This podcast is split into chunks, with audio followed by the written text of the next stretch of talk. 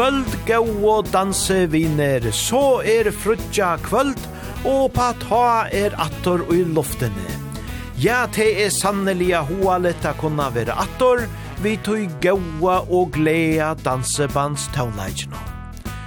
Og te er mong som dansa saman vi og kunna kvöld, mittlen anna og i gøto, og ærastane vi. Og te er hoa lett at vita. Og i kvöld færa vi da slå på trajen i til norra, og vet om vi kunne få affæter av Tommy Mikkelsen ur Picasso, og prata vi han om mittlen anna seinaste konserterna som tar høtto søsta vikskiftet. Og vi færa sjølvandi eisini a spela gauar slagarer vi Ole Ivars. Nú tann staur hendingen er i naston at her koma a spela og i høtlenni a holse og i oktober mama. Og Læt og bæra byrja beina vegin vi ein gauare serpo vi Ole Ivars. Her teir teka allar besto slagarnir og rudla teir ut etter gulvene. Så gau tid öll, vi færa öll ut av gulvi a svinka nu, her fyrst saman vi Ole Ivars, Gjere så vel öll så mål.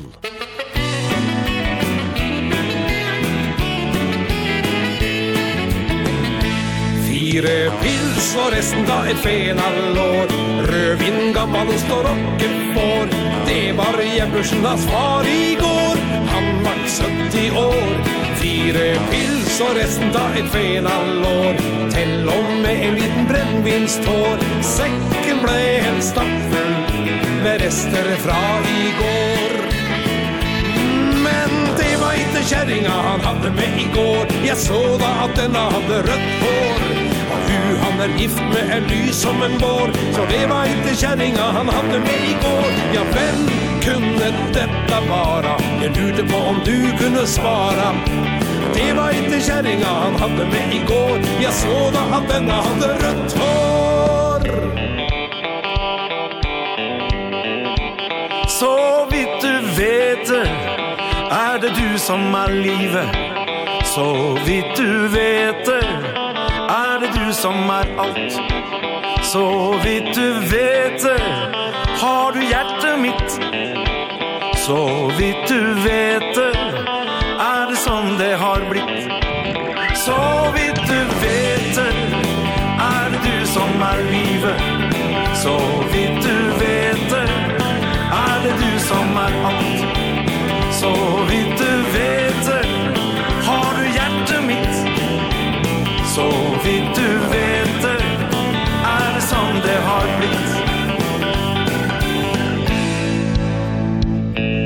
Var det kjærlighet vi møtte? Var det kjærlighet på gang? Det hendte noe med hjertet. Det dunka bang, bang, bang. Fra jeg så deg første gongen Så har tida blitt så lang. Var det kjærlighet vi møtte? Var det kjærlighet på gang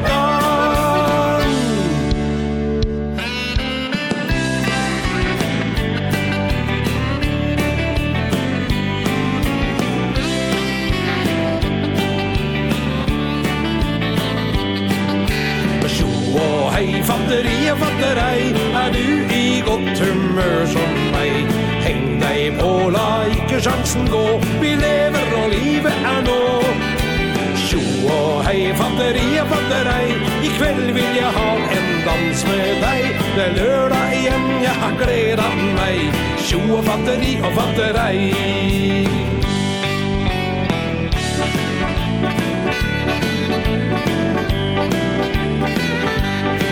I den syvende, syvende, syvende himmel lever jeg. I min egen verden på rosenrøde skyer svever jeg. Du, du, du og jeg på vei mot et mål som vi begge tror på. I den syvende, syvende, syvende himmel du og jeg. Nå skal vi jube, jube, jube, jubilere vi er 50 år i år. Og vi vil spille opp til dans for dere. Ja, så lenge hjertet slår. Nå skal vi jubi, jubi, jubi, jubilere. Kvelden den er din og min og vår. Og om du ønsker kan du gratulere. For vi er 50 år i år.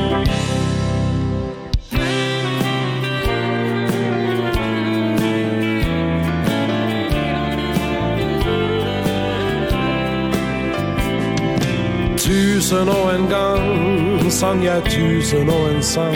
Sanger om roser, syrener og fiol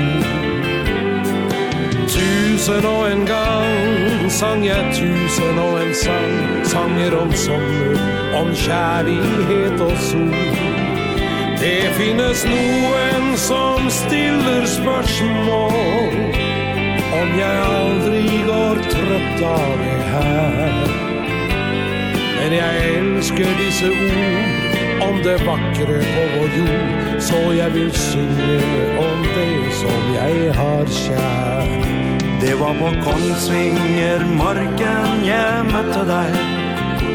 Det var på Kongsvinger marken et år. Du ga meg et kyss, det var søtt. Jeg så kun rosa og rødt. Du var den fineste jeg hadde møtt.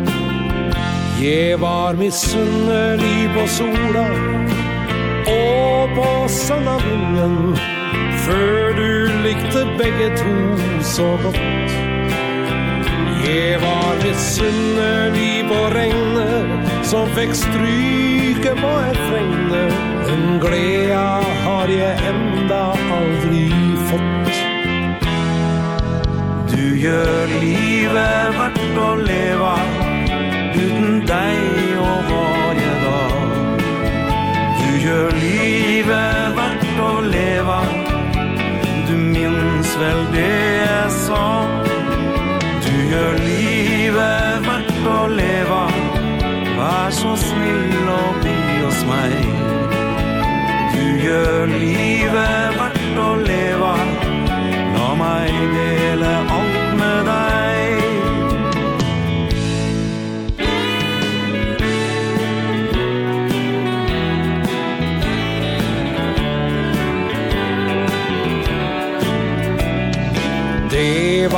kjærlighet ved første blikk. Dagen da jeg møtte deg. Aldri glemmer jeg de kyss jeg fikk Og det du sa til meg. Vi sto utenfor en nattkafé Enset ikke tid og sted. Det var dagen livet gav den jeg ville ha. Vi vil takke deg som har vært reisepartner. For uten deg så var vi slettes ingenting. Vi vil takke deg som har vært reisepartner. På grunn av deg har vi fått reise rundt omkring vi vars 50 år. Tänk så fort som tio går Men det kändes fint och jubilere billigare Och på scenen vill vi stå. Så länge vi kan gå. Så länge vi har noe och idéer. Ole Ivars 50 år. Tänk så fort som tio går Men det känns fint och jubilera Och på scenen vill vi stå. Så länge vi kan gå. Så länge vi har noe å gi dere. Ja, så länge vi har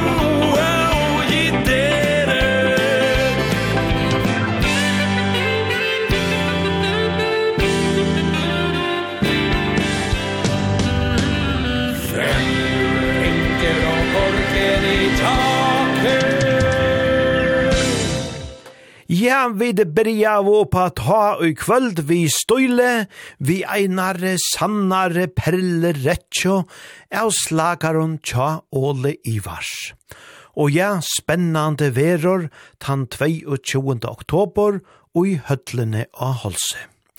Og her veri jo ikkje bæra Ole Ivars, nei nei, åkara egne lokale dansebandskonkurror vaie, vi så noen fraløk og tånleikaron, verer eisen i apatle.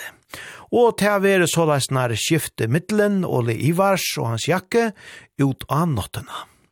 Og er færre så at røyna sjolver eisene av paddelen, at letja gauan dansebandstaunleik A, og i middelen skiftene, så at stemningeren ongan tøy fanar. Vantande vere til eit godt dansekvöld og ein fraløg nått. Men vi får høyra negv meira fra Oli Ivars, og gjerne settende sending, eller kanska flere, ta jo i hetta narkast. Læt okkom bare nu teka ein gauan slagara vi, han sjakk hjelm og hans herra vimmanon, nu og så alt løyve.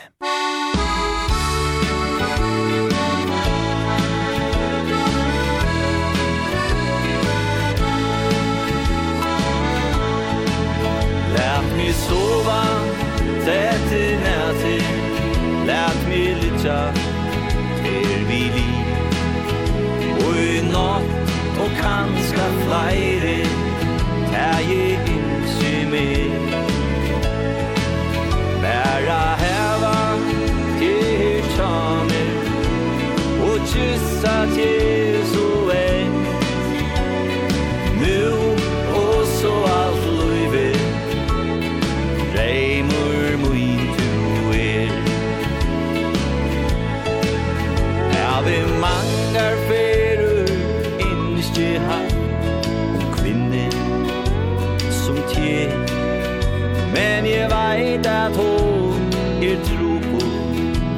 at finna.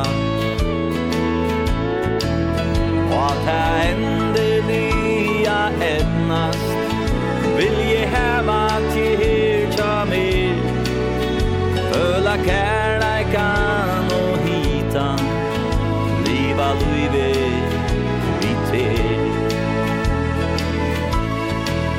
Lät mi sova Tät i näsi Lät mi litja er vi li Og i natt og kanska flere Er jeg innsy mer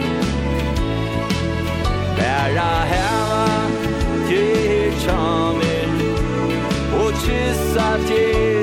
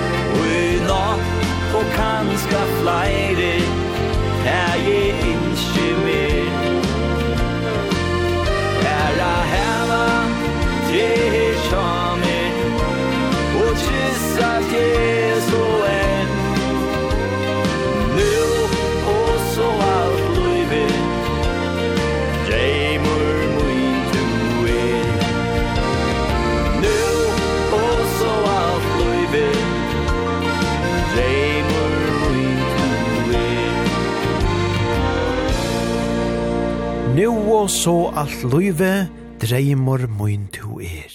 Ja, i var lest færre hese tånaner eisene er runka og i høtlene er holse tann 22. oktober. Og billetter til dette her spennande tiltaket, hentan rimmar dansen, er å få av ebillett.fo. Men vi færre vujare vi gauon tånon, og let mi eisene senda eina halsonord til Gøtå, her og i åkara ekvelia tryggvo danse viner, jo attor er byrja i a dansa saman vi oppa ta, etter at hei hava lukka som haft eina pausa nu i sommar. Det er så ekvelia hoa leta vita, at tid og mong onnor dansa saman vi oppa ta, kvart einasta frudja kvöld. Her få tid ein gauan svingara vi Lasse Johansens orkester, Min gitarr.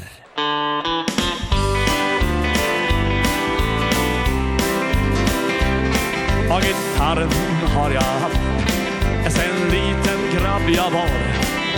Det er min allra bästa skatt Och den vill jag ha kvar. Och min gitarr Ja, på min gitarr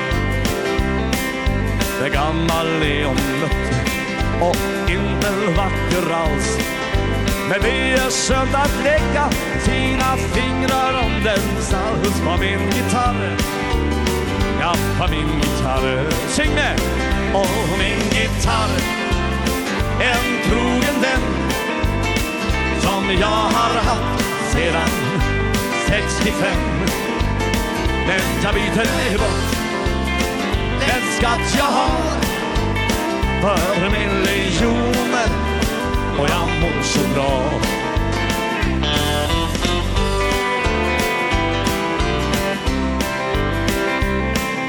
För varje dag som gott Och jag strängarna har steg Och glada melodier. På gitarren fram jag det Och min gitarr. Ja, på min gitarr. Den gammal är hon Och inte vacker alls Men det är skönt att lägga sina fingrar om den salhus på min gitarr. Ja, på min gitarr. Singe! Och min gitarr. En trogen vän Och som jag har haft sedan 75 Dess bröda toner ger ej besarr Men det finns så mycket glädje i min gitarr.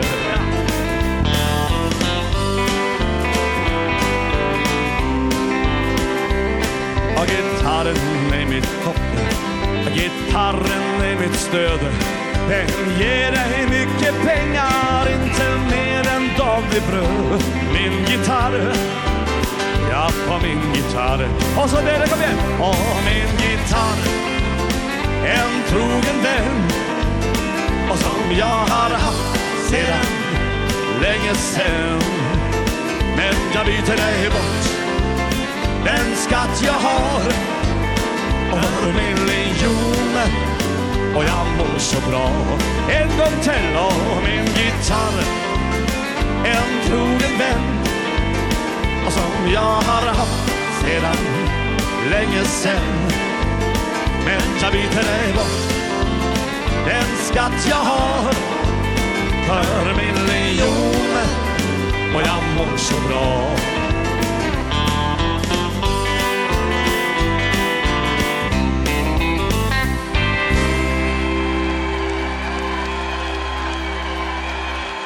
Takk for det. Ja, takk for det, sier Lasse Johansen her, og jeg sier fra løyk og live-opptøkene vi min gitarr. Og fra einon Lassa til ein annan, ikkje minne gauan, kunne vi sija, her fer nu Lasse Stefan seg for å gå vujare fram etter dansegulven, ta hva du behøver. Musikk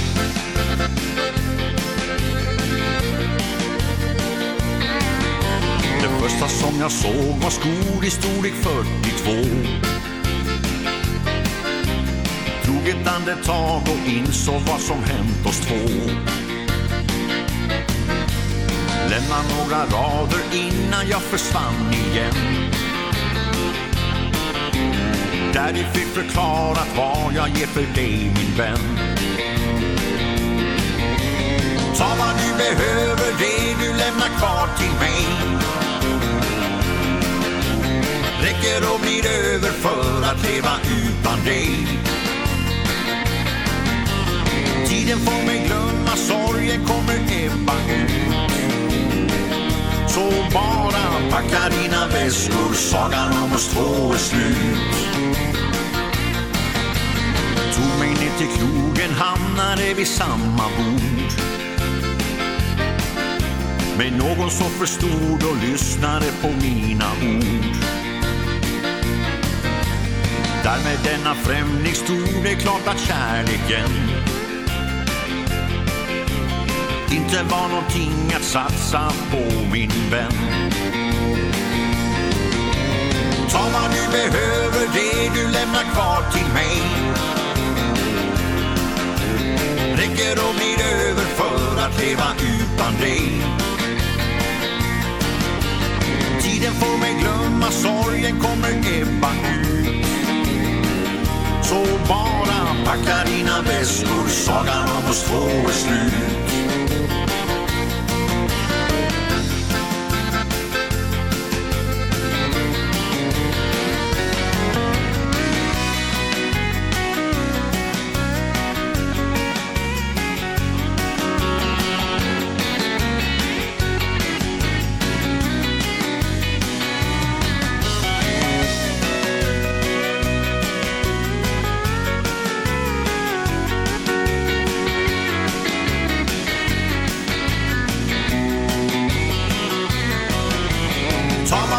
behöver det du lämnar kvar till mig. Räcker och blir över för att leva utan dig. Tiden får mig glömma, sorgen kommer ebba ut. Så bara packa dina väskor, sagan om oss två är slut. Ja, tiden får mig glömma, sorgen kommer ebba ut. Packa dina väskor, sagan om oss två är slut Ja, som alltid ekvelia danselit, ta i Lasse Stefans svingar og gong etter dansegulven. Og danse bendet tarfæra svinga vujare, og ta verur ta i tarfæra sinja om tarra ståra dreim. Musik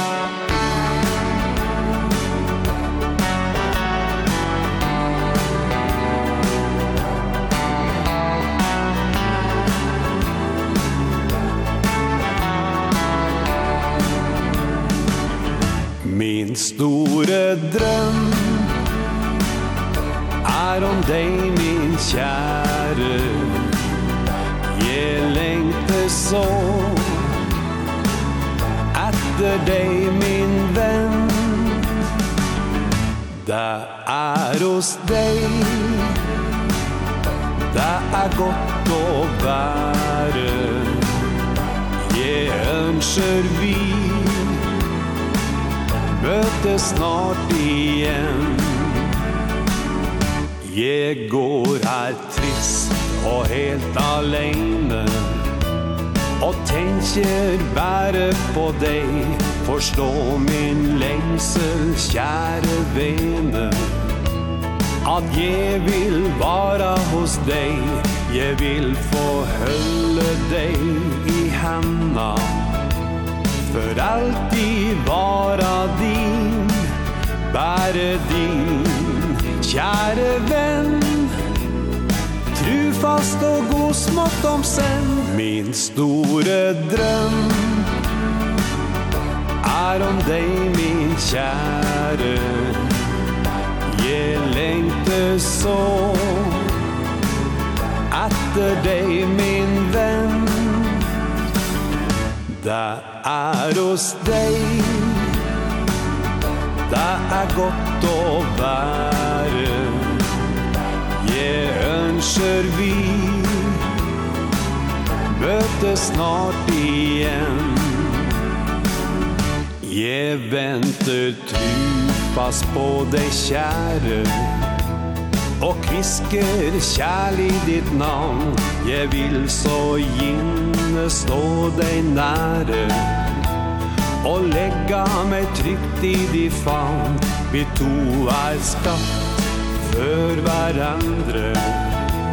Vil alltid elske deg Bare deg, kjære skatt Føler meg øm og betatt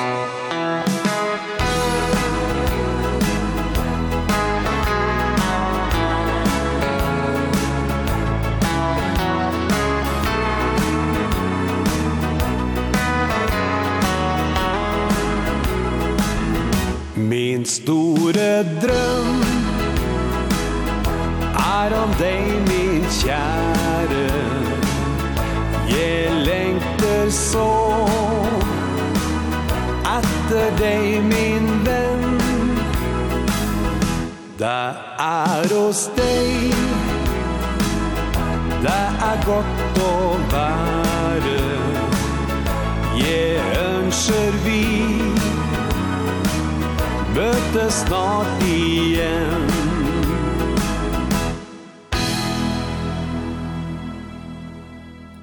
Ja, fra lykka danselige tøvnar, her vi danse bandet.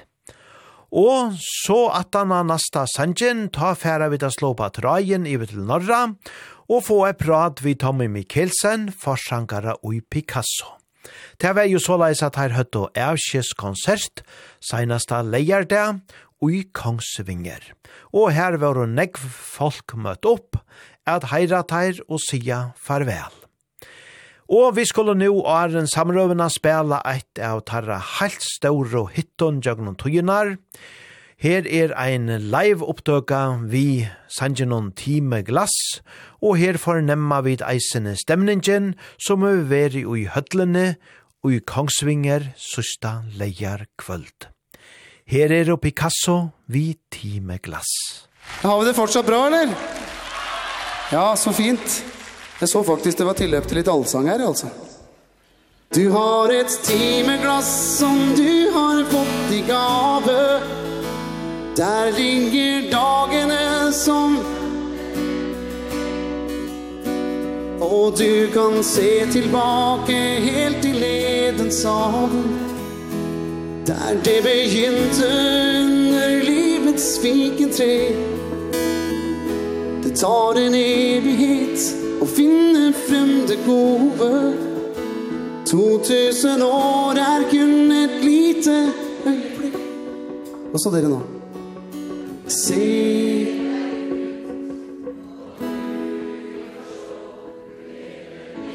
Å, herre, altså. Jeg gleder meg til fortsettelsen.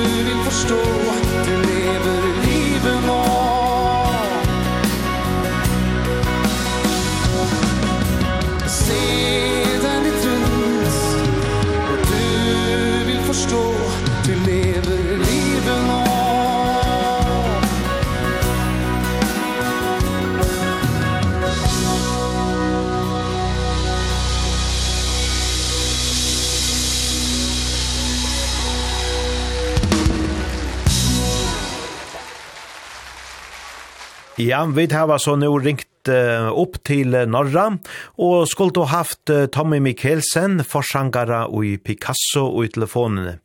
God aften, uh, Tommy. God aften. Ja, så koselig at uh, få høre fra Picasso. ja, takk for det. Ja, ja. Nu var det jo sådan at de hadde um, deres siste konsert uh, på Kongsvinger Palace for, for knappt en uke siden. Ja. Og det var jo også på Kongsvinger at denne her reise startede. Kan du kort beskrive hvordan det har vært siden ni startede? Ja, det har vært en fantastisk reise for oss. Det er klart, med starten da tilbake i, i 92 og alt det vi har opplevd, ikke minst at vi fikk Spellmannpris da. Ja. Norges svar på Grammys på første plata vår, det var jo veldig stort, og det startet jo en etter hvert lang og, og god karriere, det. Så er det jo alltid sånn at det kommer til et, en slutt da nå, etter at jeg ga meg som vokalist, for jeg var jo med til i 2019, og da var det en Kim Lien som tok over, og etter det så kom det koronaen, og det har vært veldig slitsomt for veldig mange, ikke minst andre band også. Det har det jo. Og da fant de, fant de da ut i, nå i sommer at uh, nå var det greit å, å call it a day, som du sier på engelsk. Nå legger vi opp alltid synd når det blir sånn, men uh, alt har sin tid, da, som vi sier her i Norge. Ja, det er det.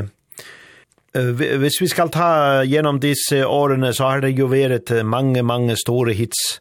Men kan du si hvilke har vært de, de største hits uh, gjennom alle disse år? Ja, det er jo, vi har jo to låter som har trona høyest på, på de rankingene vi ser da, på Spotify og på andre strømmetjenester. Og det er jo i morgendagen aldri kommer et timeglass som har vært de to største. Og de har jo passert nå snart, ja, det er vel snart oppe i 7-8 millioner streaminger, så det er ganske mye. Ja, veldig fine låter, ja. Det er det. Ja, det er låter med substans, da. Det er låter som, begge låtene er jo skrivet da i perioder i livet hvor det har vært sorg, ikke sant, og vært vanskelig. Og da kommer det som oftest noen gullkorn, da. Ja, det gör det ju, ja.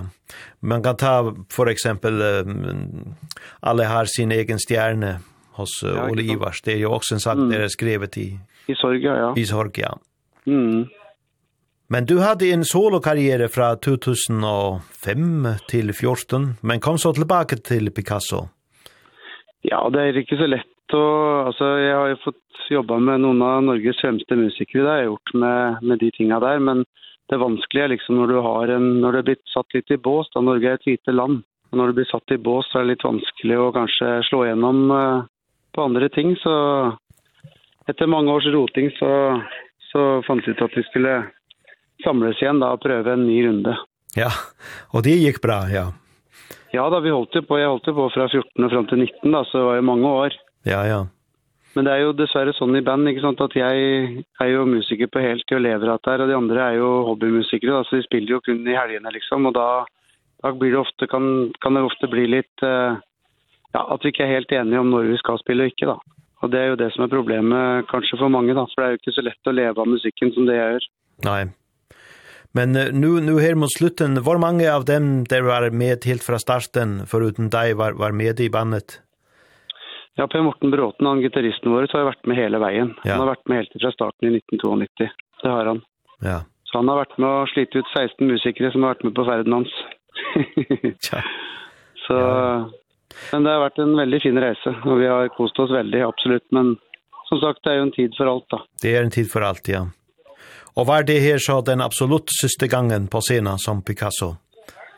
Nei, altså, det er som jeg sier, jeg stenger, jeg stenger jo ingen dører, jeg gjør jo ikke det. Nei, nei. Men uh, man får se om, det, om man kan ta det opp igjen en gang. Det er, jeg er jo gode venner med alle gutta, så det er ikke det, men... Uh, akkurat for nå så fant vi ut at dette var eh, greit å, å gjøre, ja. avslutte det, ja. Mm. Ja, ja, ja.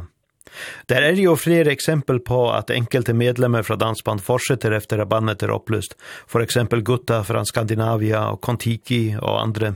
Kan det tenkes ja, at, at noen av dere fra Picasso har planer om det?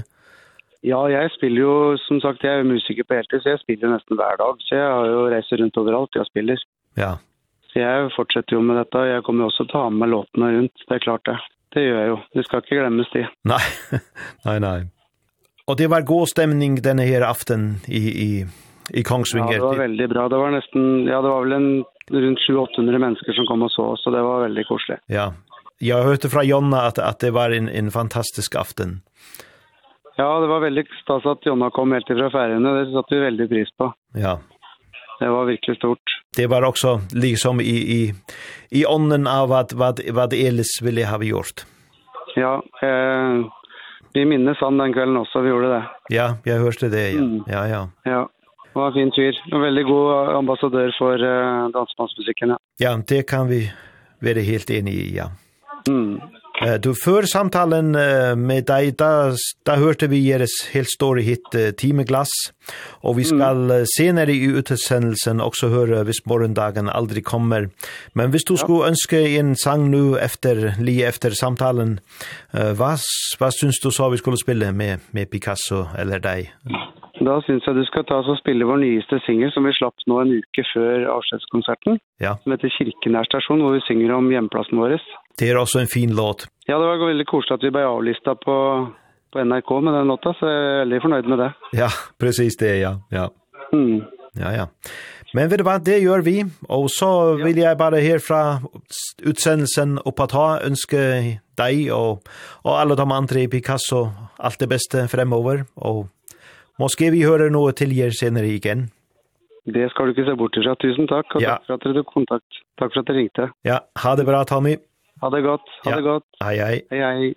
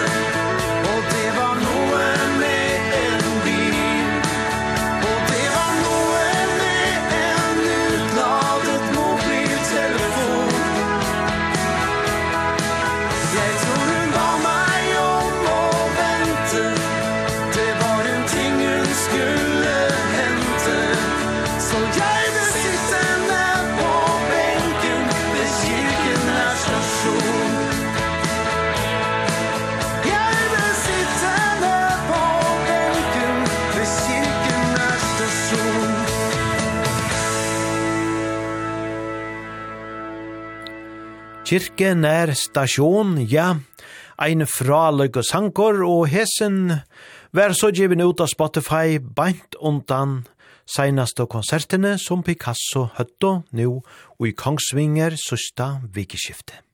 Så ein spildenutgjør og fraløg og sankor. Ja, vi takka eisene Picasso fyrir negv gau ar vi gauon taunon. Og hendan her Kirkenes stasjon, som der synkja om i hessens hangenon, det er en etlegommel togstø som er i Groe, og i Kirkenær og i Groe kommune, som jo teir er fra eisene. Og eisne bygningeren han blev laden opp etla bygdur og i 1800 og Trojal Fems. Eit hona le gammalt hus, og av myndene av hessen her lennon, her suttjast der eisene sita og enn bantje, utanfyr hesa støyna. Ja, eit blea er blea og i kapittelnon og i danseband søvende, nu Picasso gauost. Og vi færa vujari og joppa ta, vi fra løykon taunon, ta verur fremfra glemslen, så fra djevokon ein gauan, kjentan sank, helsa hem til mamma. Musik resa hem til mamma. Helsa henne og säg Förlåt att jag ej har skrivit Men allt går bra med mig Hälsa henne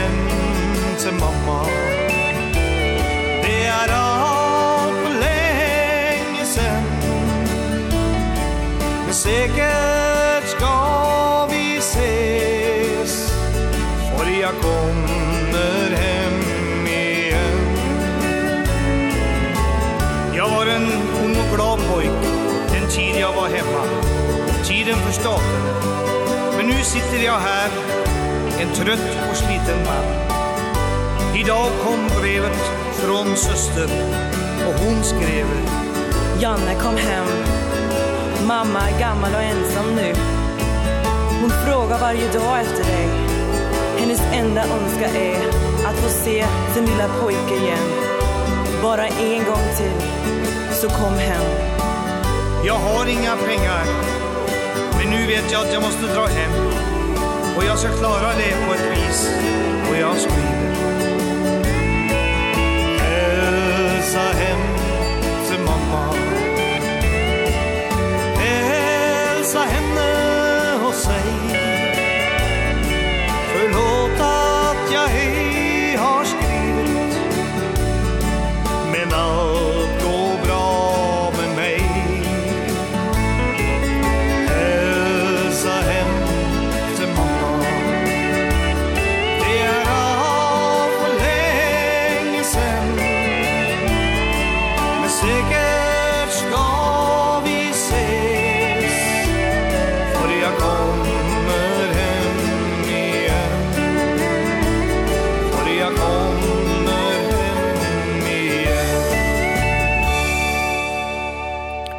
vekrer og aldrande tøvnar herfra fremfra glemselen, helsa hem til mamma.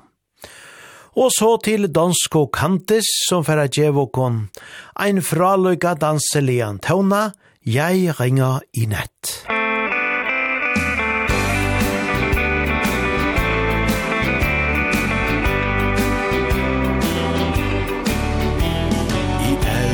tid vi to har kendt hinanden Har jeg hver gang følt det er svært at sige farvel? Når du står der og vinker gennem ruden Er der noget, der går i stykker i mig selv? navn Det er sundt at føle længsel Men jeg vil påstå Det ikke gælder mig. For der er ingenting i verden Der er bedre. End at være i nærheden af dig. Så jeg ringer i nat. Når min længsel bliver alt for stor Tænk hvis du var her hos mig. Åh hvor jeg savner dig. Så jeg ringer i nat. For at høre din varme røst. Og jeg visker min ven Endnu to dage, men så er jeg hjemme igen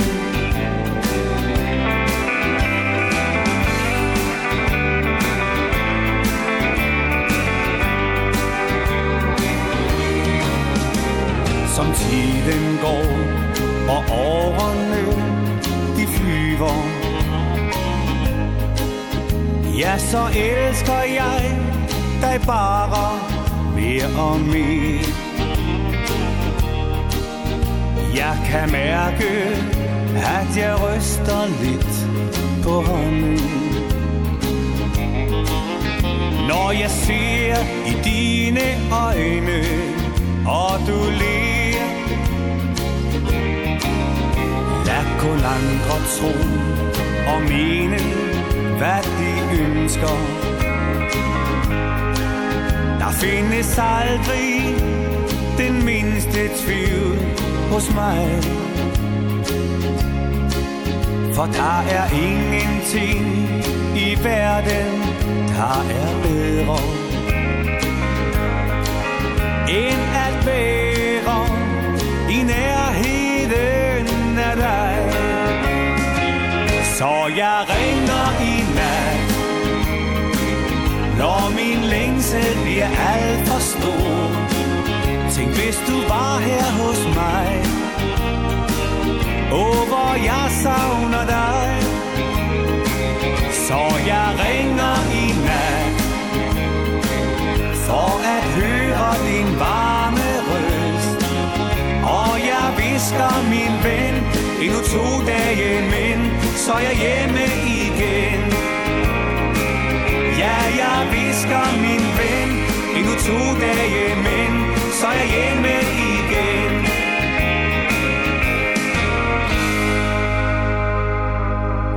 Jeg ringer i nett, vi har du her Donsko kantes. Fire gauare vik og sujane baurust bøyene om at Nikolina Jakobsen, Nikolina av Kamarnon, vær færen falt om fra. Hon andeist og i Danmark fyra fors ara gomul. Og ja, Nikolina, hon leie eina sanna perle rø av vøkron og gauon sankon etter seg. Hon heie nekvar vekrar utgaver, og vi færa minnast hana vi gleie og takkseme fyrir tann sanna taunleika skatt som hon røyka og kom vi. Tankar åkara leita til tei ui etter sita, og æra vere minne om hesa megnar tauna kvinno. Ta kvölde kjemur, og sol feru kær, par sveipar se myrskur, yver land. Men ta tekor ta ar så langa tun Tui brått ender av stjötnornar og manen Stjötnornar glitra og tær lusa så bjart. Og manen smuiles hon Og i djøgnum myrskri svart Ja, te kuina Han sovande Vatna kjem Og sveima Så blodlinja Og tarra dreymar inn.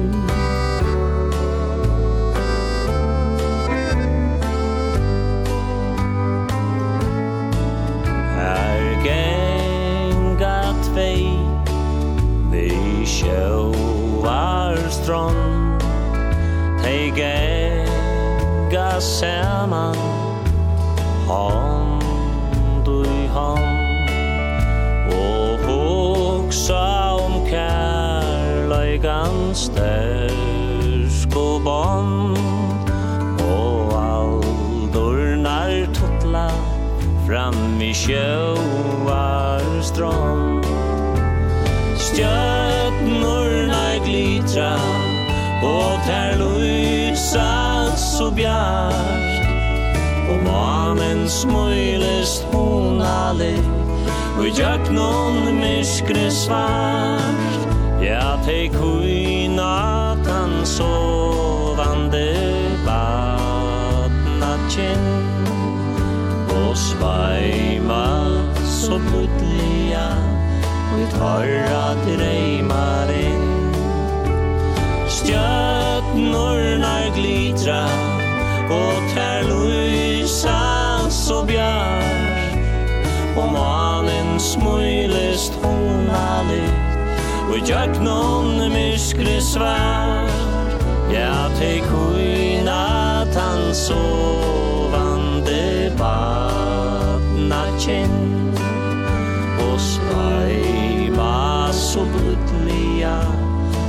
Norra dröjmaren Hej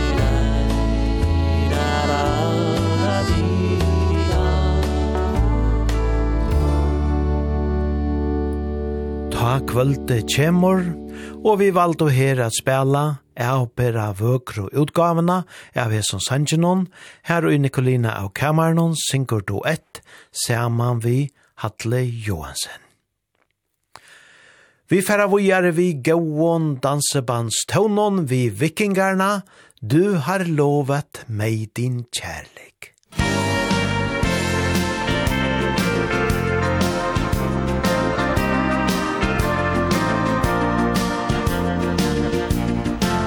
Som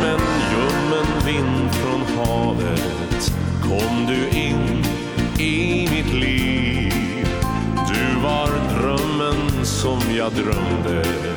Och den blev till verklighet.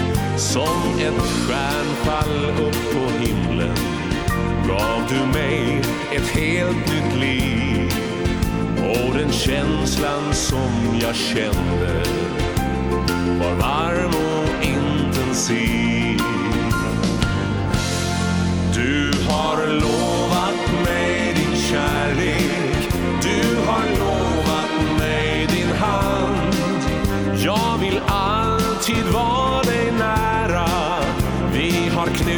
ditt starka band. Du har lovat mig din kärlek. Du har fått mig att förstå Att den närhet som vi känner Är den bästa man kan få.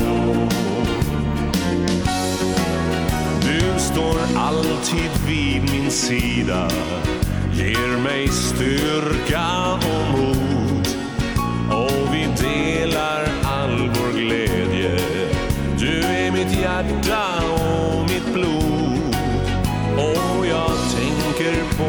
stunder som vi haft och som vi får. Om nu vi får vara tillsammans i många långa år. Du har långt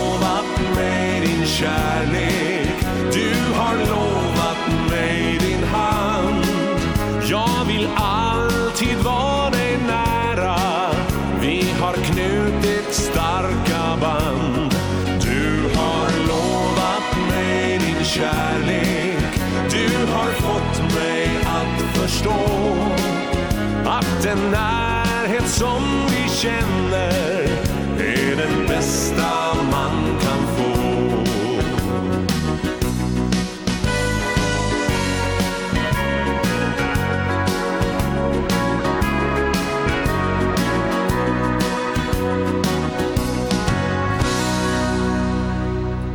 Fraløyk og vikingarna, du har lovat meg din kjærlighet.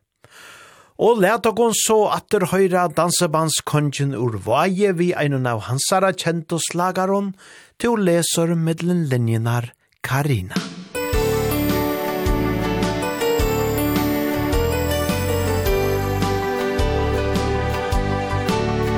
Tui at pakka hem vi funni mina taske Tær tui tja mig Att færa heim til mui Tu ma hoksa om ta åker Ut saman. Og så dröjman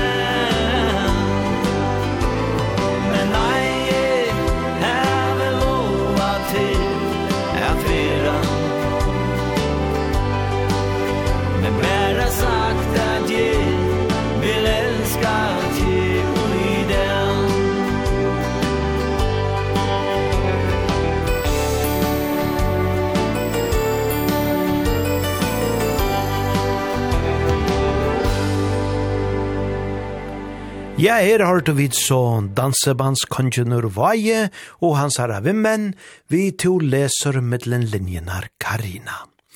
Og let dere teka ein festlig sang vi Ole Ivars at her i kvöld. Hetta verir ein fraløg sangur vi som så ofta tja William Kristoffersen skjemte Leon Åron om mjölka dunkar og tøylukt. Høyre bare her og i sangenon mjölkerampa. rampa.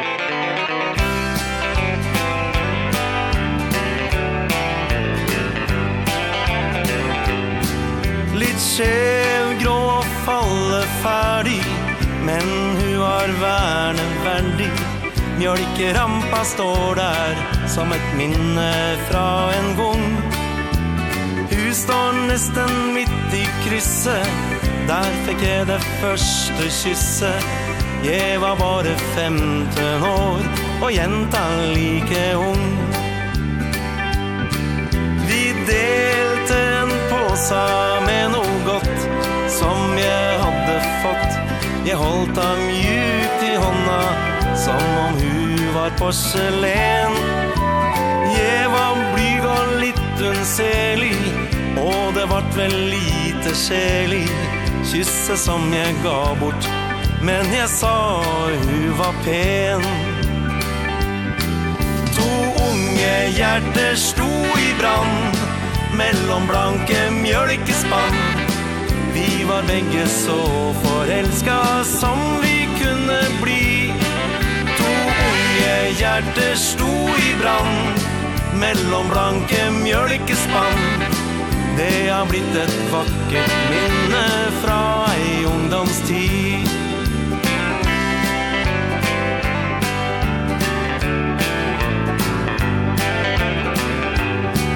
Vi sitter her i år i mai. Jeg er enda mere glad i. Hun som har fått smilerynk gråe hår. Det er ingen spanna lenger Men spanna er ikke det vi trenger.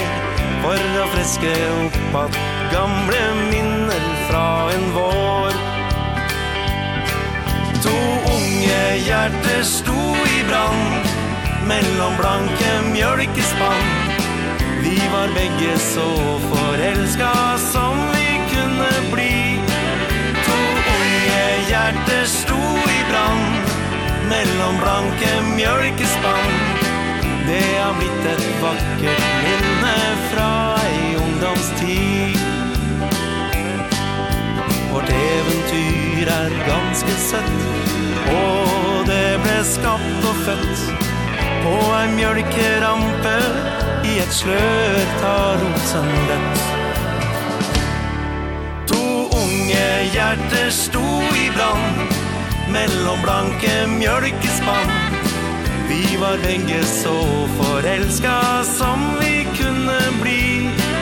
To unge hjerte sto i brand. Mellom blanke mjølkespann. Det har blitt et vakkert minne fra ei ungdomstid.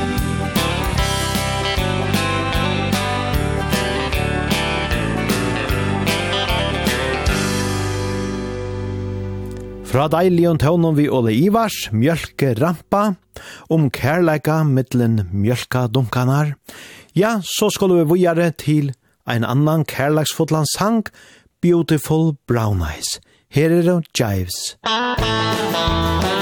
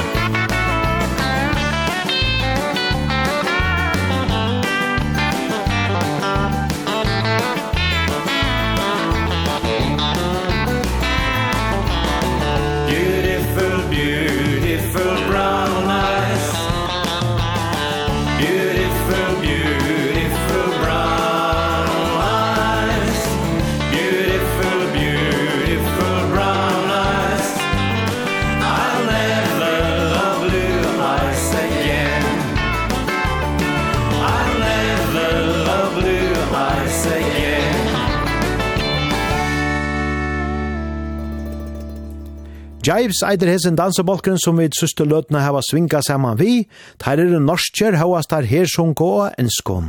Sanjen kjenner vi dødl Beautiful Brown Eyes.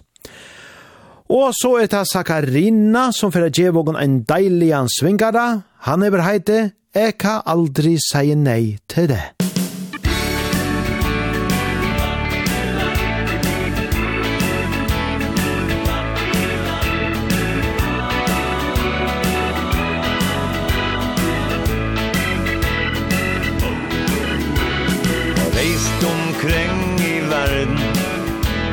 vi alle sorter folk Men det var alltid för någon Komme hej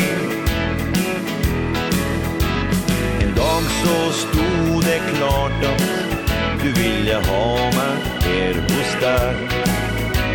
Jeg blev så glad Din kjærlighet gjør meg svag. Jeg kan aldrig säga nej till dig kan aldri si nei til deg. Jeg står der og jeg venter en stund. Kjærlighet har vokset seg stær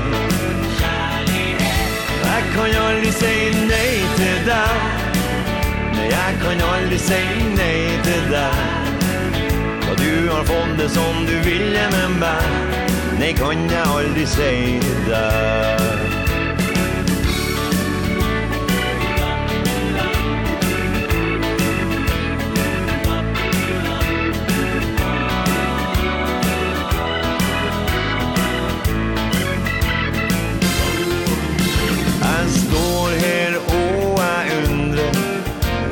så herdes skulle bli Då var det kanskje bedre å gå fri.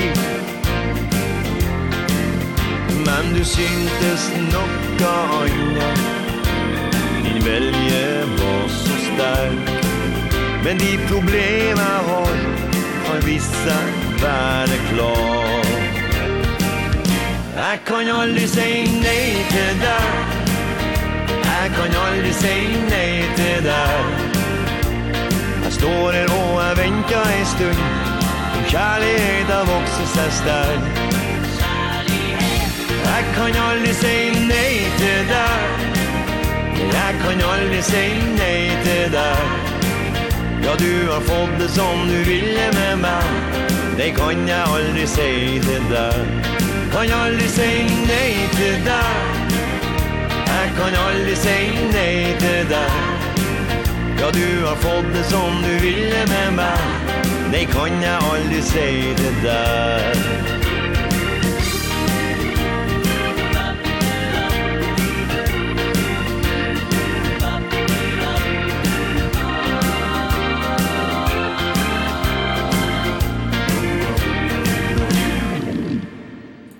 Hetta var Sakarina som svinga og under og Sanchen, jeg kan aldri si nei til det. Og så får vi nekrar høyligare tøvnar her fra Mats Bergmans ur Svørrutje, eit deilig dans i orkestor, vi tar at her ved Sanchenon, Hvem har svaret?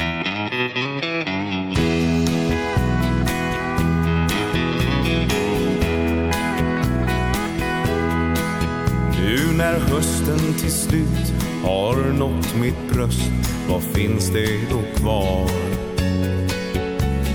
En dröm om ett liv så tydligt naiv Och här står jag nu idag Jag biktar mig själv För vem vet jag ej Vem vill lyssna på mig ikväll De toner jag sjunger är mitt hjärtas sätt att fråga sig Vem har svaren på allt som vi undrar? Vem styr ödet när allt blir så fel? Snälla svara du främling i natten Annars blir jag nog aldrig mer hel Vem får lyckan när ödet bestämmer? Vems kärlek är den som består? För inget man ska ta för givet. För en gång så var den vår. Det som en gång var fint Det som kändes så bra Försvann just idag. En grå bitter ton Från en verklig passion Är det enda jag funnit var kvar. Med en enkel biljett Och på mitt eget sätt Så flyr jag vår värld ikväll När dimman där ute har lättat Kanske frågorna finner ett svar Vem har svaren på allt som vi undrar? Vem styr ödet när allt blir så fel? Snälla svara du främling i natten Annars blir jag nog aldrig mer hel. Vem får lyckan när ödet bestämmer? Vems kärlek är den som består? För inget man ska ta för givet För en gång så var den vår.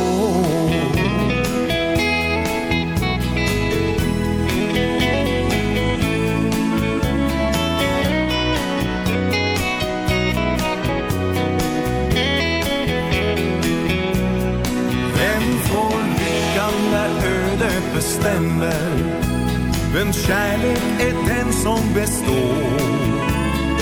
Inget man ska ta för givet. För en gång så var den vår. För inget man ska ta för givet. För en gång så var den vår.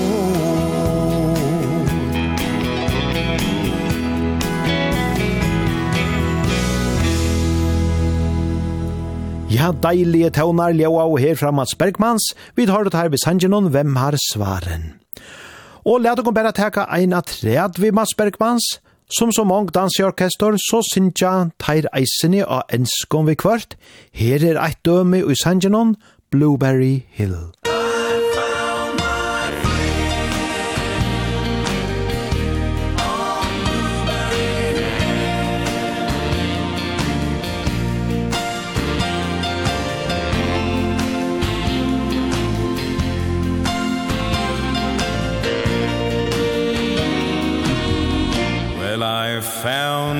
thrill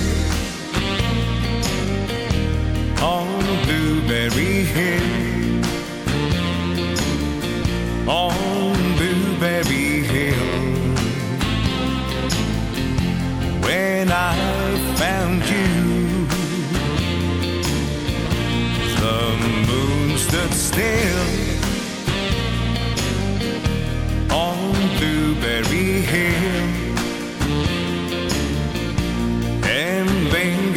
until my dreams came true. The wind in the willow played love's sweet melody. But although those vows you made were never to be.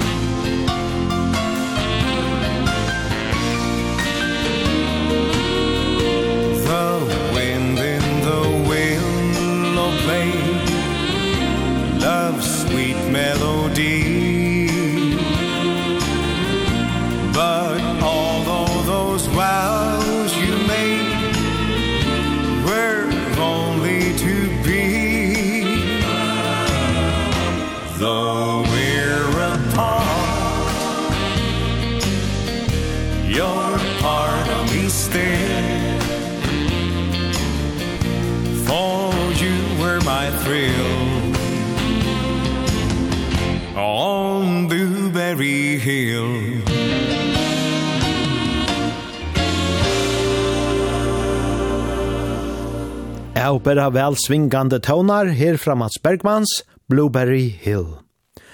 Og så atter ein enskan her, herfra Olavi Høygård, Her er sangeren Guess I'll Fall in Love.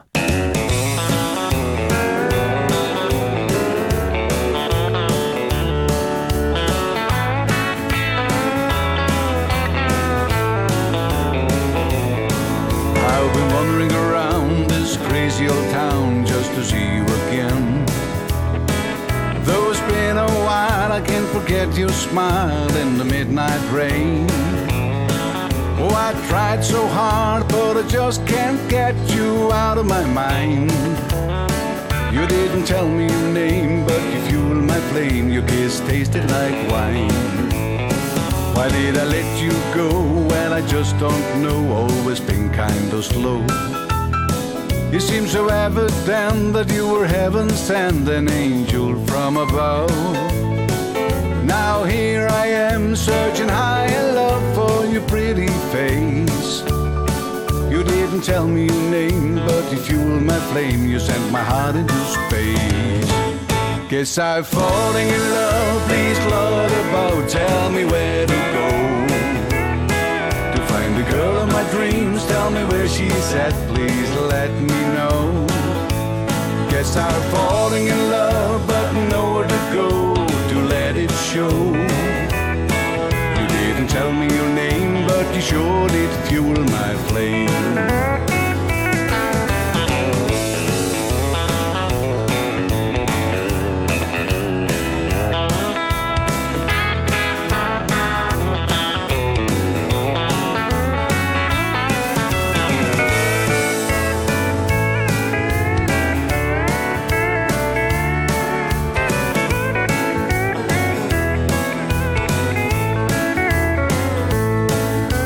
I misunderstand when he touched my hand and asked me to dance?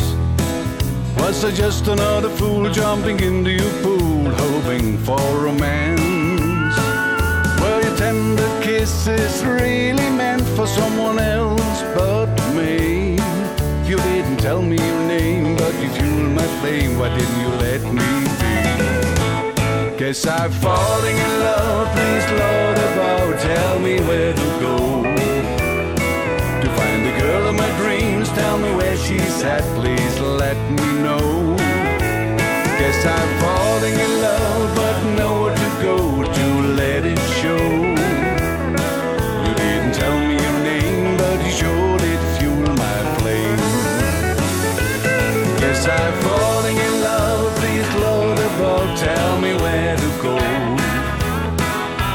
The girl of my dreams. Tell me where she's at Please let me know.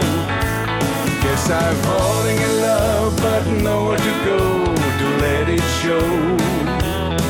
You didn't tell me your name But you sure did fuel my flame. You didn't tell me your name But you sure did fuel my flame.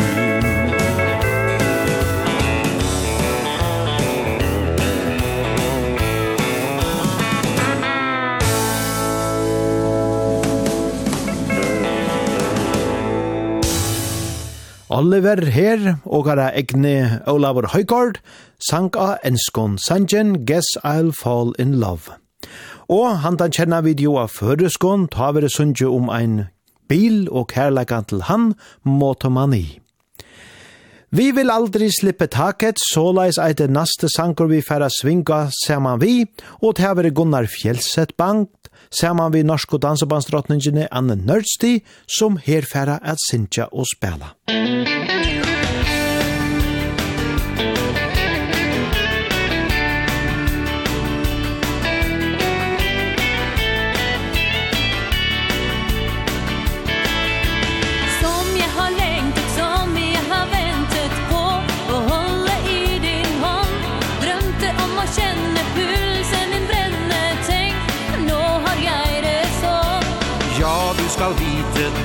har vært sliten men en liten evighet var det och vänten men det som jag kjente, det var ekte kärlighet Vi vill aldrig slippe taket. Vi det som vi begge fant Vi vet hva vi vill ha. Vi vill aldrig slippe taket for vi vet ju at vi begge vant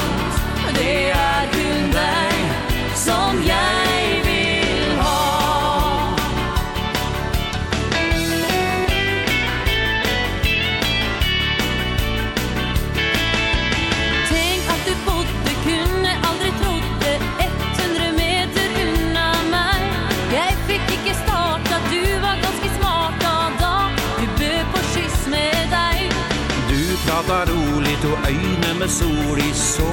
På mig med kärn i blick Jag tänk att det hämte det fina som vi kände Där i byens rösta fick Vi vill aldrig slippa taket. Blir det som vi väggen fast Vi vet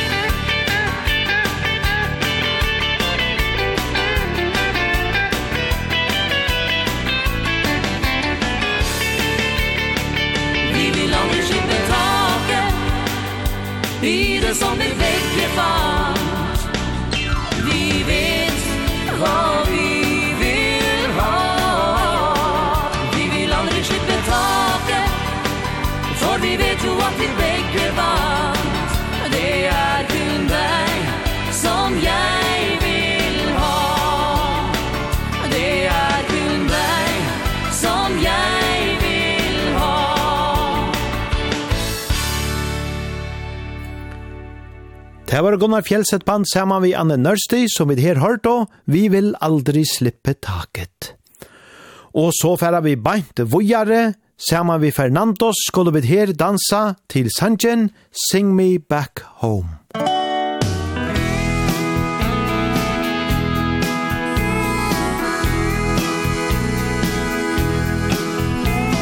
The warden led a prisoner down the hallway to his stool I stood up to say goodbye like all the rest.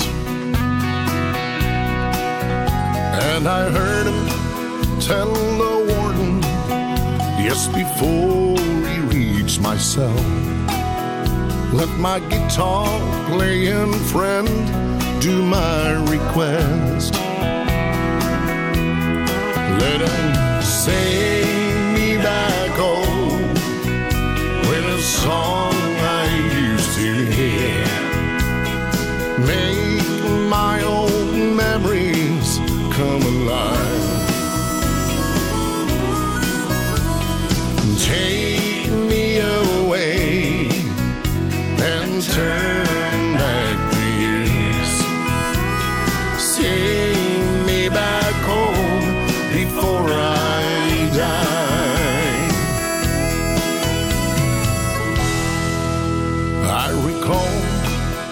Sunday morning A quiet from home the street. Came to sing A few old gospel songs. And I heard tell the singers There's a song my mama sang. Could I hear it once before you move along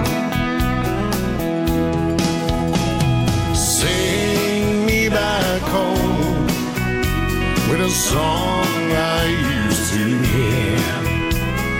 Make my old memories come alive. Take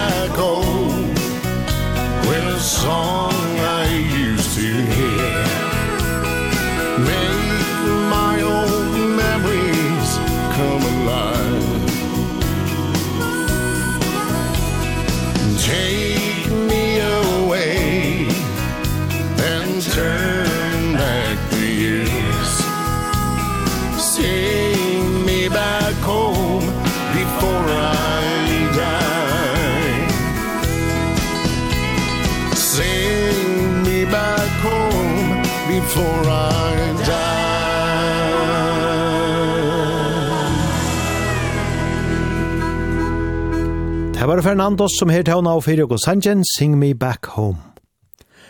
Hvor fær et lak han liva utan tan verelia djupa kærleikan, ja, te er en spurningur som ein og kvør som har veri etla er og gjennom perforholdet just kan setas her. Og her vere meint vi ta verelia og ostena mittlen tvei, og te er just hetta som naste sankor er om. Her høyra vid drifters. Drifters.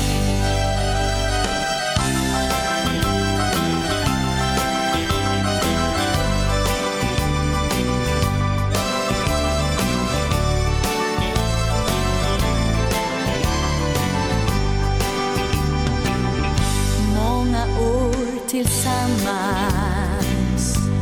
Det fick du och jag. Vi rådde om varandra. Och allt var så bra.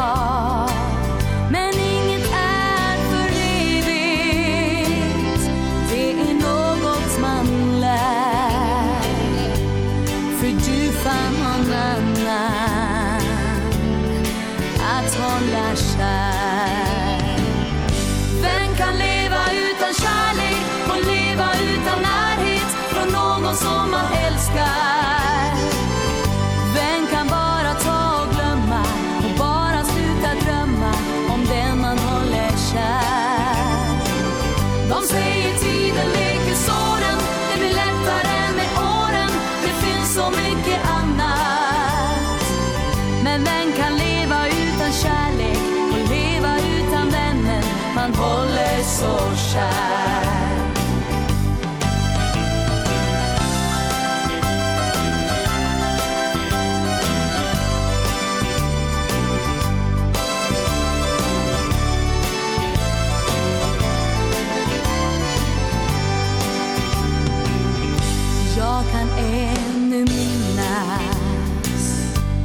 de orden du sa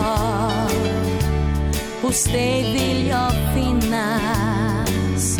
Varje natt, varje dag.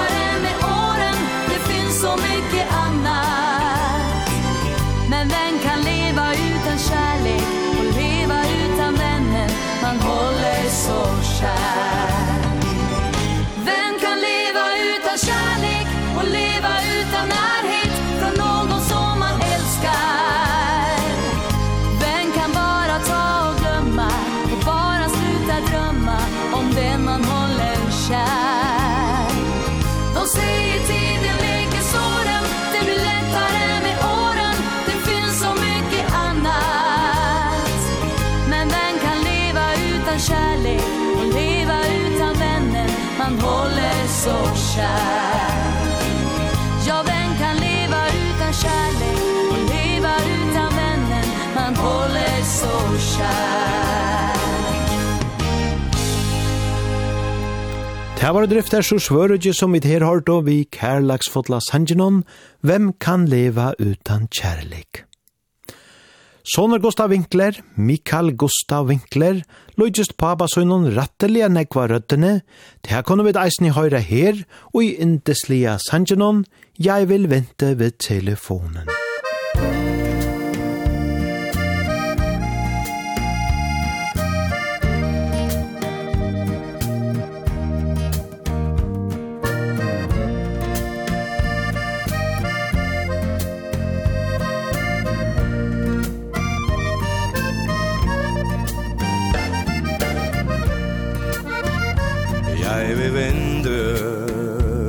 telefonen på dit svar.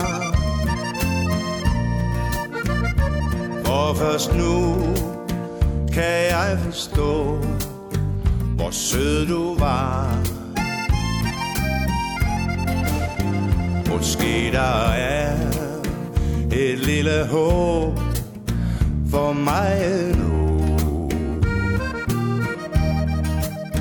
For det vi fant Er alt for smukt. At slå i tur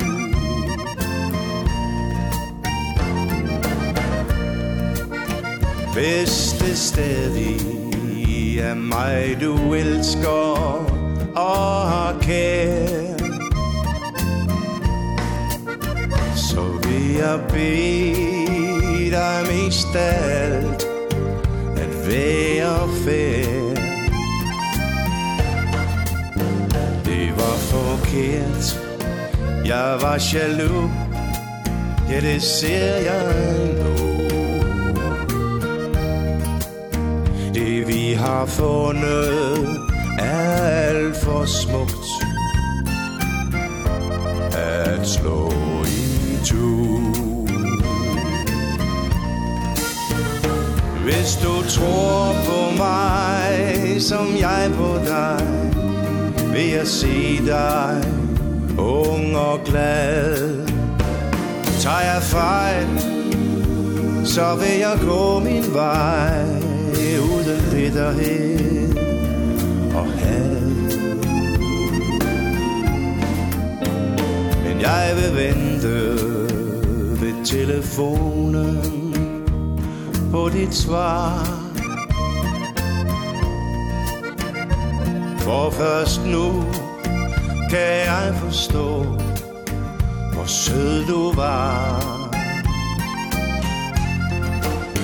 Måske der er et lille håb For mig nu. For det vi fandt for smukt.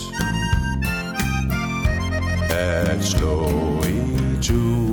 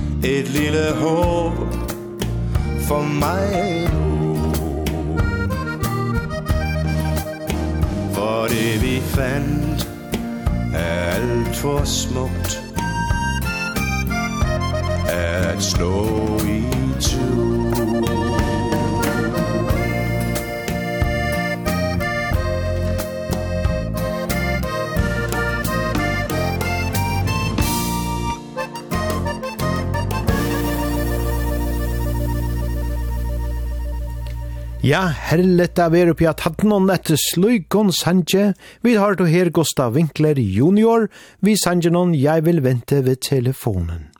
Hesen sangeren er å finne av minnesutgavene omtalen så tiltekna sangeren Gustav Winkler. Flere av kjentast og dansk og sangaren er vi av hesar utgavene, her er middelen Kjell Haik, vi sanje noen, minnene er skapt av deg, og let dere bare høre han her. Musikk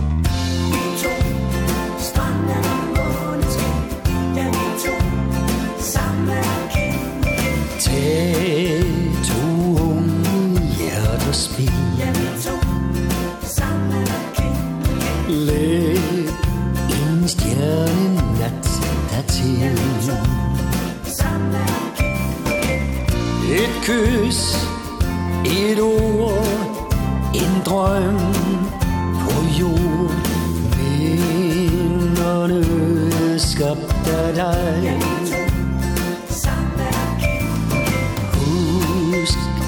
klare måneskin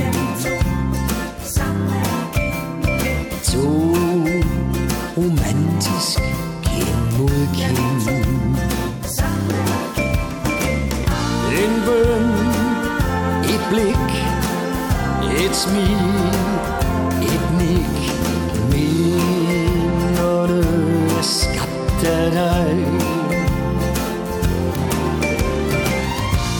solid klokkeklang En munter bryllupssang Den største dag for to unge Et hus, hvor lykken bor Og så en far og mor Med verdens dejligste år.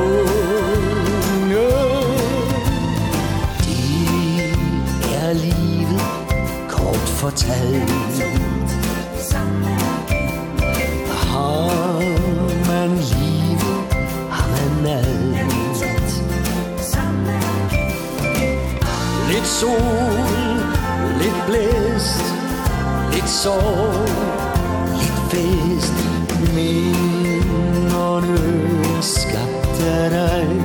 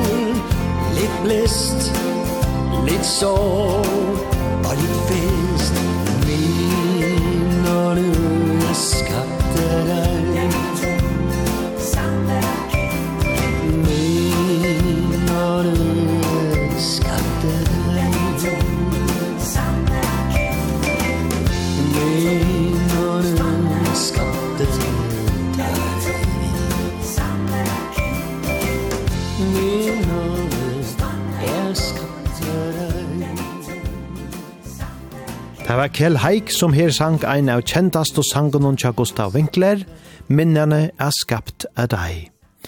Og nå til svenskan danset håndleik, vi støya spåren i etter tånen fra Mats Plats, om du bare våre her.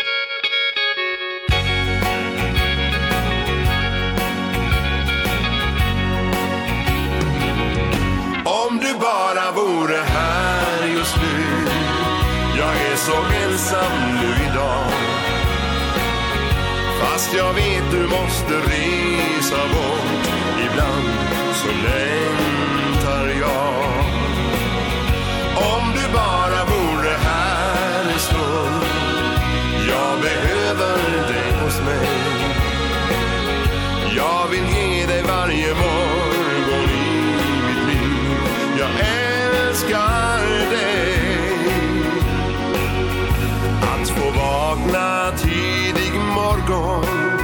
när du ligger tätt intill Och får känna hur din kropp värmer mig.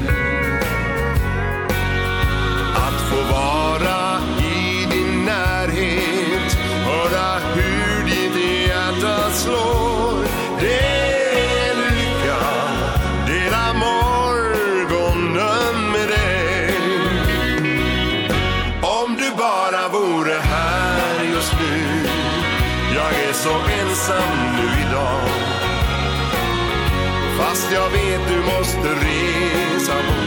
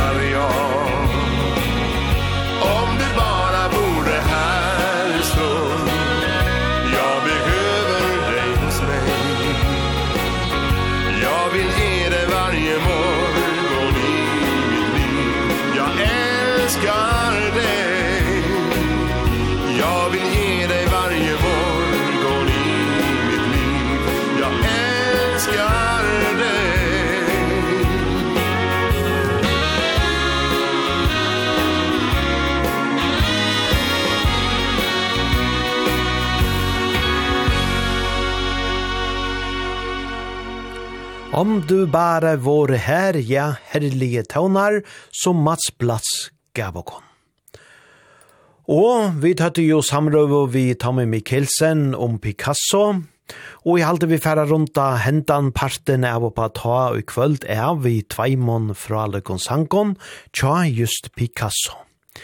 Hesen her fyrri av teimbavon er ein eldre sankor, som tar sjálfur Katlavo, Nujan 5 og Fors, og tar synes jo om hetta at leita, leta hoen leita attor til Forsene, ta i tar sjolver våro unger. Ja, det er jo så leis at Picasso tar byrja av at spela, atter i Nujan 100 og 92, og ta våre til Per Morten Bråten og Tommy Mikkelsen som særlig støyla og fire, og Og nu i tar høyt og jeg ser avskjedskonserterna, ta vær Per Morten Bråten, den einaste som hever vært vi Øtl Arene tar av spalt, og så vær Tommy Mikkelsen kommer vi atter eisene her mot Rentanon. Annars er det Kim Lien som hever vært forsankare til orkestrenon. Vi kunne nevne hinar som spalt jo til søst, Glenn Bates, bassgitar, og Per Erik Jedkjernet, keyboard, og så Vegard Åslund som spalte trommer. Annars var Tommy Kjolvor, eisende trommeslåare i bolsjenon og i flere år. Ja, eit godt orkestor, og let okon her høyra her fyrst vi Sanjanon, 1985. Nå skal vi tilbake til guldalderen, vet du. Guldalderen våres. 1985, med hockeysveis og skulderputer. Det var tre av oss som faktisk var 16 år dette året her. Du kan jo gjette hvem.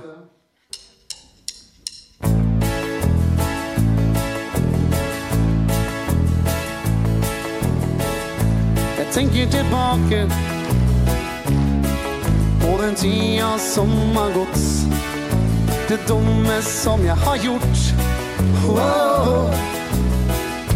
Hva har jeg fått tid til? Siden 19 69 I livets første del. Jeg trodde en verden Var en evighetsmaskin. Og at den bare var min. Wow. Men verden forandres Og du må følge med. Når tida flyr av sted.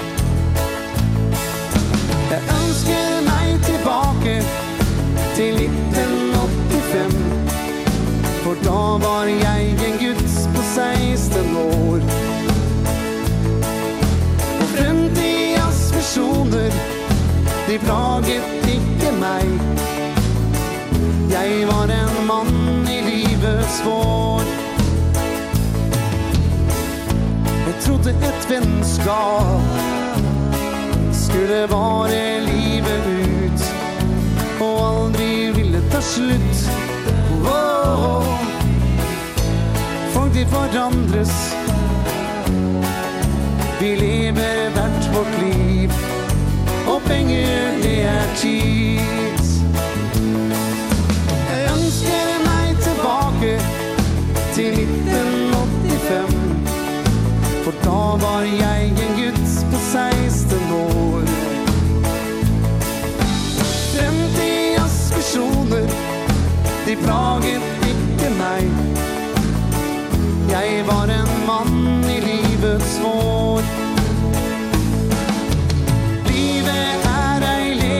terrasse hvor vi alle sitter. Bygger våre liv så godt vi kan.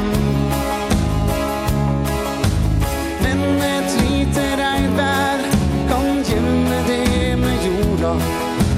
Når det er et slott av sand og vann. Jeg tenker tilbake På den tida som har gått dumme som jag har gjort. Oh, hva har jeg på tid til? Siden 1969 I livets største del. Jag ønsker mig tilbake Till 1985 För då var jag en gutt på 16 år. personer. De plaget ikke meg. Jeg var en mann i livets vår Jeg var en mann i livets vår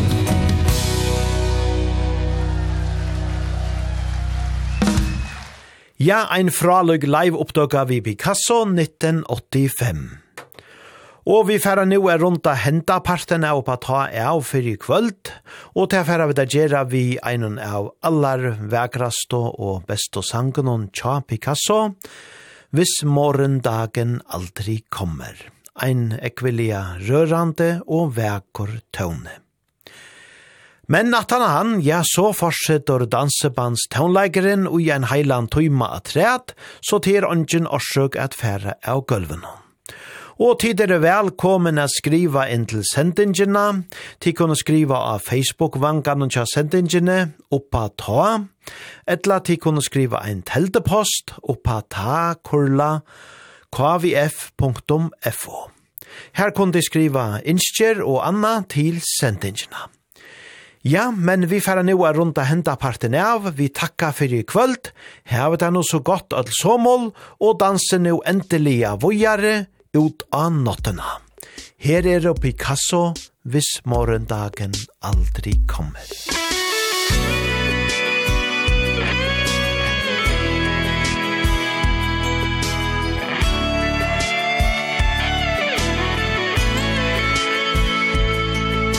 Jeg sitter her alene, så forundret För ingen vet så gott vad det betyr. Och savne den man älskar och beundrar Igen så är det sannheten som svir. Jag håper att vi aldrig finner svaret. Forandringer kan komme alt for fort. Når planene for morgendagen svinner I en kamp der hvert problem kan virke stort. For hvis morgendagen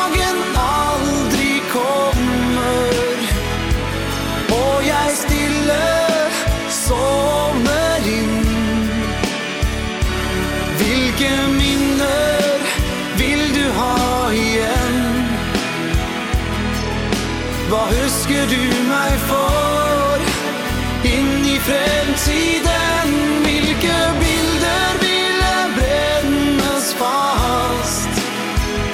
Og bli til glede eller til last? Hvis livet dømte meg med strengeste dom? Og morgendagen aldri kom. Jeg rusler hjem, men stegene blir tunge. Jeg føler at jeg går på utbrent jord. Vi trodde vi var unge og udødelige. At soloppgangens evighet var vår. For hvis morgendag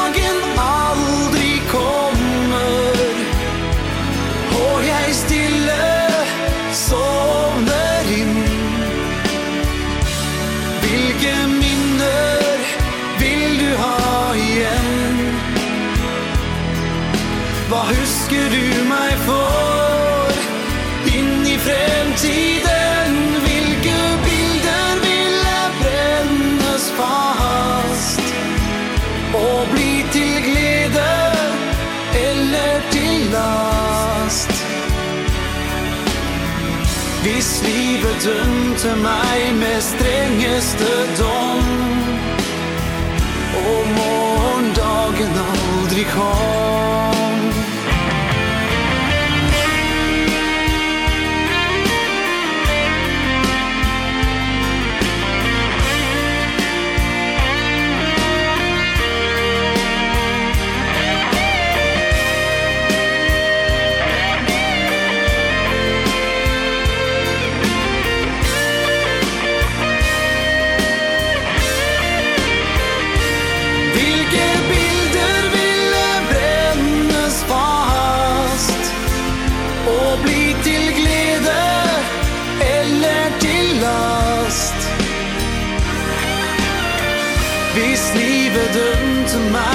strengeste dom. Og morgendagen aldri kom. Hvis livet dømte meg med strengeste dom. Og morgendagen aldri